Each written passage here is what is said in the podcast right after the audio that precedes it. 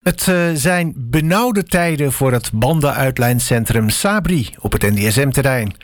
Want eigenaar Bouchaib Sabri huurt een pand van een projectontwikkelaar die van plan is om op die plek nieuwbouw te gaan plegen. Dit is al lang bekend en van alle kanten zijn er in het verleden beloftes gedaan om hem te helpen, maar uiteindelijk heeft dat tot niets geleid. Sabri moet daarom per 31 maart aanstaande weg uit zijn pand. Maar de heer Sabri is inmiddels 62 en kan de huur voor een nieuw pand niet betalen. Hij ziet zijn zaak daarom instorten en als gevolg daarvan ook de mensen die hij onderhoudt in de problemen komen. Als uiterste poging om zijn zaak te redden sprak hij afgelopen woensdag emotioneel in bij de vergadering van de stadsdeelcommissie. Ik verzorg mijn kinderen, ik verzorg mijn ouders in Marokko. Allebei, die is boven 90 jaar. Ik ben blij dat ze nog leven.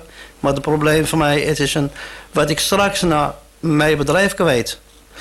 En hun hebben bijna mijn leven is gewend voor iedere maand krijgt gewoon 200 of 300 euro. Zoveel is je niet, maar toch gewoon kan wel leven. En dan is, uh, ben ik bang, wat ik kan niet meer naar hun sturen. Dat doet me echt hele pijn. Dat doet me echt pijn. Meer van mijn ouders. Echt waar. En ik wil niet... Wie gaat mij in de dienst nemen? Wie gaat mij echt... Wie? Ik ben 62 jaar.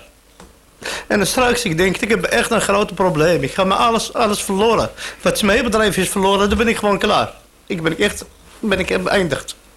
En bedankt allemaal en sorry. Tja, en hij is uh, niet de enige ondernemer die in Noord het veld moet ruimen voor de oprukkende woningbouw. Maar gelukkig kon stadsdeelbestuurder Jasmin El Sahi voor het specifieke geval van Sabri melden dat er toch nog een beetje ruimte is de ontwikkelaar geeft eigenlijk aan dat er heel goed contact is. Die heeft ook gezegd dat je in ieder geval uitstel hebt gekregen tot eind dit jaar dus, eind, dus, even, dus maart is sowieso al verlengd naar eind dit jaar. Als ik ook even kijk naar wat ons betreft, hoef je ook nog helemaal niet weg. Als je kijkt naar even de ontwikkelingen die in dat kaveltje gebeurt, is dat op dit moment eigenlijk de ontwikkelaar, die heeft pas in februari voor het eerst een massastudie gepresenteerd.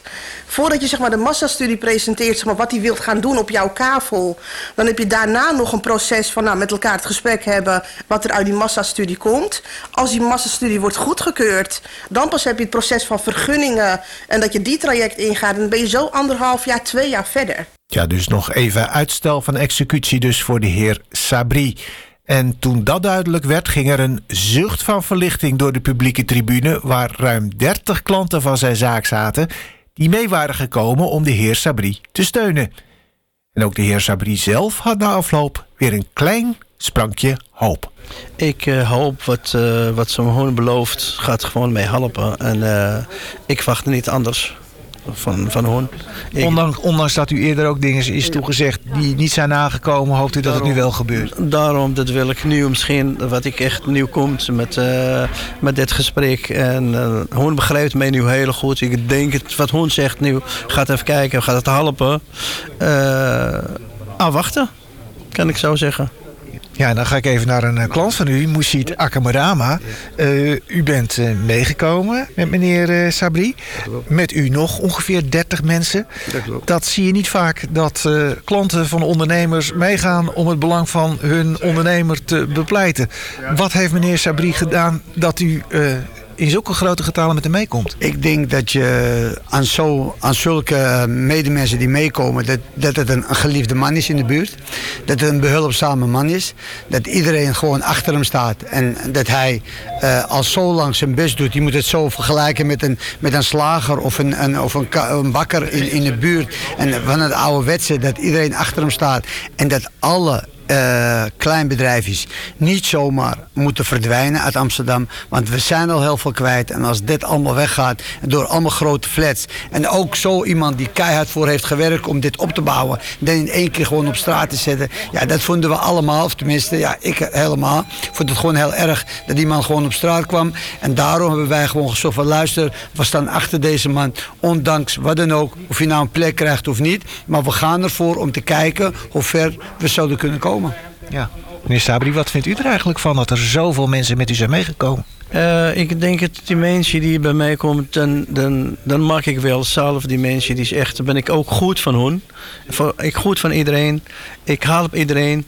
Dat uh, soms gaat niet echt, uh, echt puur om de geld. En uh, ik heb ook mensen die echt, dan komt die zeggen, oh jee Sabri, ik wil echt een bandje, maar dat kost 50 euro, maar ik heb het niet. En dan zag ik een kant bijvoorbeeld, of, of, of een valide auto. En dan zegt hij, ja, ik heb allemaal geen geld, ik heb 20 euro. En dat doe ik ook voor 20 euro. Ik zeg, nou heer, ik help je wel. Dan, dan zie ik nu ook bedanken van die mensen die hier komt. Het is niet voor niks.